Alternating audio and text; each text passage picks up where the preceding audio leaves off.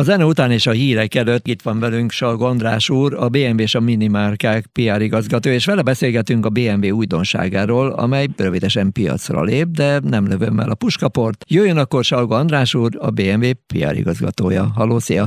Szervus, Sanyi, köszöntöm a hallgatókat. Így van, egy nagyon fontos újdonság bevezetése zajlik, ez a BMW X1-es, ami a márka életében egy nagyon népszerű modell. 2009-ben jelent meg az első generáció, aztán 2015-ben a második, és most 2022. októberében pedig elérkeztünk a harmadik verzióhoz. Egy nagyon népszerű modellről van szó, ami világszerte az, az első két generációból több mint 2,7 millió darabot adtak el a világban, itt Magyarországon is kivált kép sikeres ez a modell, és ennek jön a legújabb verziója, ami rögtön egy teljes kínálattal mutatkozik be, benzines, dízel, kétfajta plug-in hibrid, és iX1-esként egy teljesen elektromos kivitel is.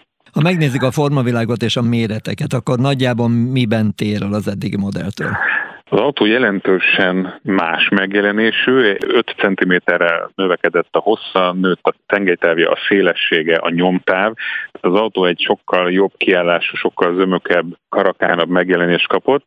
Igazából magasan van az autónak az orra, és ettől egy ilyen tömbszerű, vagy egy tömbből faragott design képet mutat. Egy vadonatúj elgondolás mentén ez a külső illeti, és belül pedig megkapta a BMW iX-ben debütált ívelt kijelzőt, amit az X1 egyesben is igazából a kategóriában ez egy jelentős újdonság, egy csomó olyan technikai kiegészítővel, ami egyáltalán nem jellemző ebben az osztályban. Ahogy mondtam, nagyon széles a motorkínálat, tehát rögtön érkeznek dízelek, benzinesek, jön novemberben rögtön két plug-in hibrid és a 25E és a 30E modell.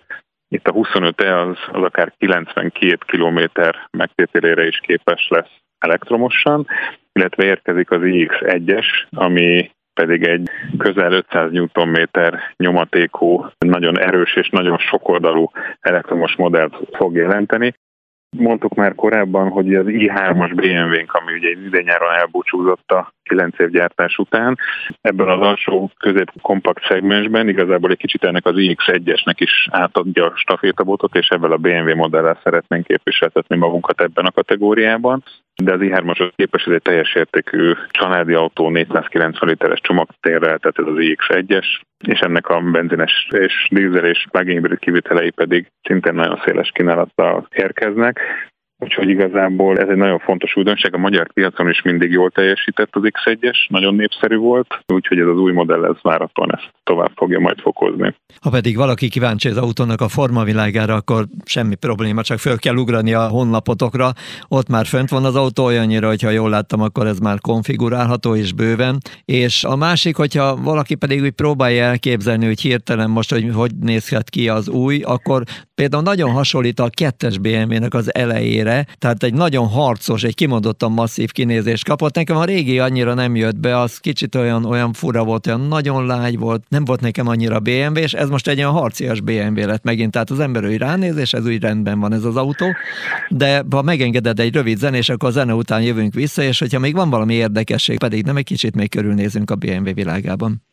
Újra itt vagyunk, ez már a második óra a Jazzy Street-en, és még mindig itt van velünk Salgo András úr, a BMW és a Minimárkák PR igazgatója, de most maradunk a BMW márkánál, hiszen itt van a vadonatúj X1-es, és arról beszélünk. Ami érdekesség szerintem az autó mellett, hogy a szinte az összes erőforrás az egy mild hybrid technológiával készül, ami egy ilyen 48 voltos technológiát hoz. Ez az autóknak a fogyasztására, keresények kibocsátására is mind nagyon jótékonyan hat és a 23D modellünknél, ami, ami azért jóval 200 lóerő fölötti, pedig ezt az aktív rekuperációt is, is nagyban támogatja. Talán ez sem szokványos ebben az alsó középkategóriában illetve az autóhoz rendelhető egy csomó olyan vezetéstámogató rendszer, parkolásasszisztens és egy sor más funkció, ami szintén megkülönbözteti majd a BMW újdonságát ebben a méretosztályban.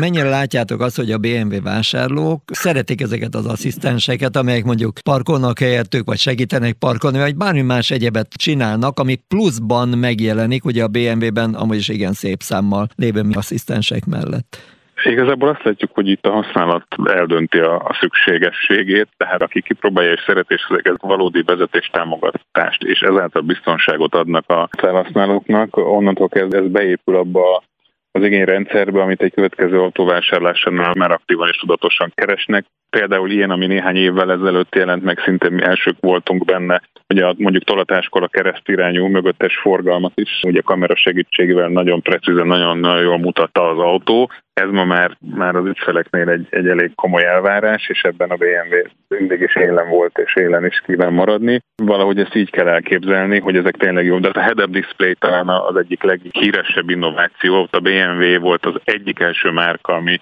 jó sok évvel ezelőtt megjelentette ezt opcionálisan az autóiban. Ma már a head-up display sor egyéb márkánál gyakorlatilag egy természetes opcionális felszereltség. Tehát ahogy a technológia fejlődik, úgy nyilván a vezetés biztonságát támogató rendszerek is egyre fejlődnek. Mennyire volt lehetőséged vezetni az autót? A 23i benzines is és a 23D-t is vezettem. Nagyon stabil az autó, nagyon masszív, és az a markáns egy tömbből faragott érzés, amit a külső alapján gondol az ember, az vezetés közben is visszajön.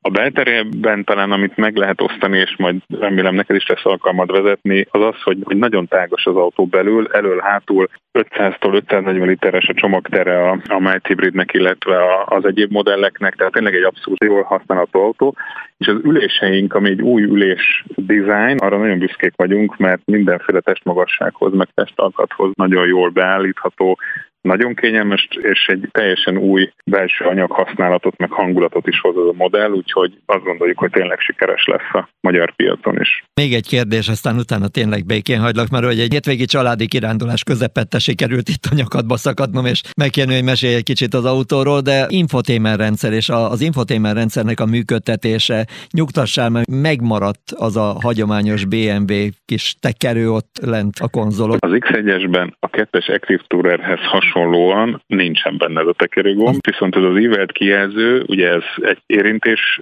vezérléssel működik főleg, és ami nagyon érdekes, hogy az kijelző előtt van a műszerfalon egy olyan kis rész, ahova az ember be tudja támasztani a, a tenyerét, és tényleg tud biztonságosan a kijelzőn keresgélni, illetve amire a BMW-ben a kategóriában nagy hangsúlyt fektet, az a hangvezérlés, tehát az autóban ez az OS 8-as navigációs rendszer, ez infotainment rendszer, ez ugye a hangvezérlés alapján is működtet minden funkciót. Itt a BMW-nél nem egy koncepcióban gondolkodunk, hanem mindig az adott modellhez igazít a BMW egy, egy csomagot. Az X1-es, ez egy nagyon fiatalos, fiataloknak szóló autó, egy ilyen célcsoportot céloztunk meg, így a, gyára gondolja, meg, meg azt látjuk, hogy, hogy erre a célcsoportra ez a multimédiás eszköztár, illetve vezérlő rendszer a legalkalmasabb. Mennyire tűnik racionálisnak a működtetése? Tehát nem kell nagyon nagy mélységekig lemenni egy fűtés, vagy mondjuk egy sávtartónak a kikapcsolásához, nem kell leásni magunkat a menürendszerbe?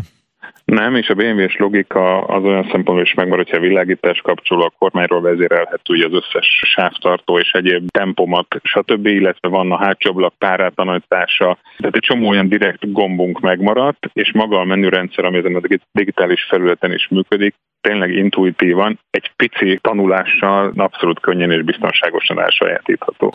Ennek mindenképpen örülök, hogy köszönöm szépen, hogy itt voltál, meséltél nekünk a megújult X1-esről, és hát további kellemes hétvégét nektek. Hasonlókat köszönöm szépen. Szia!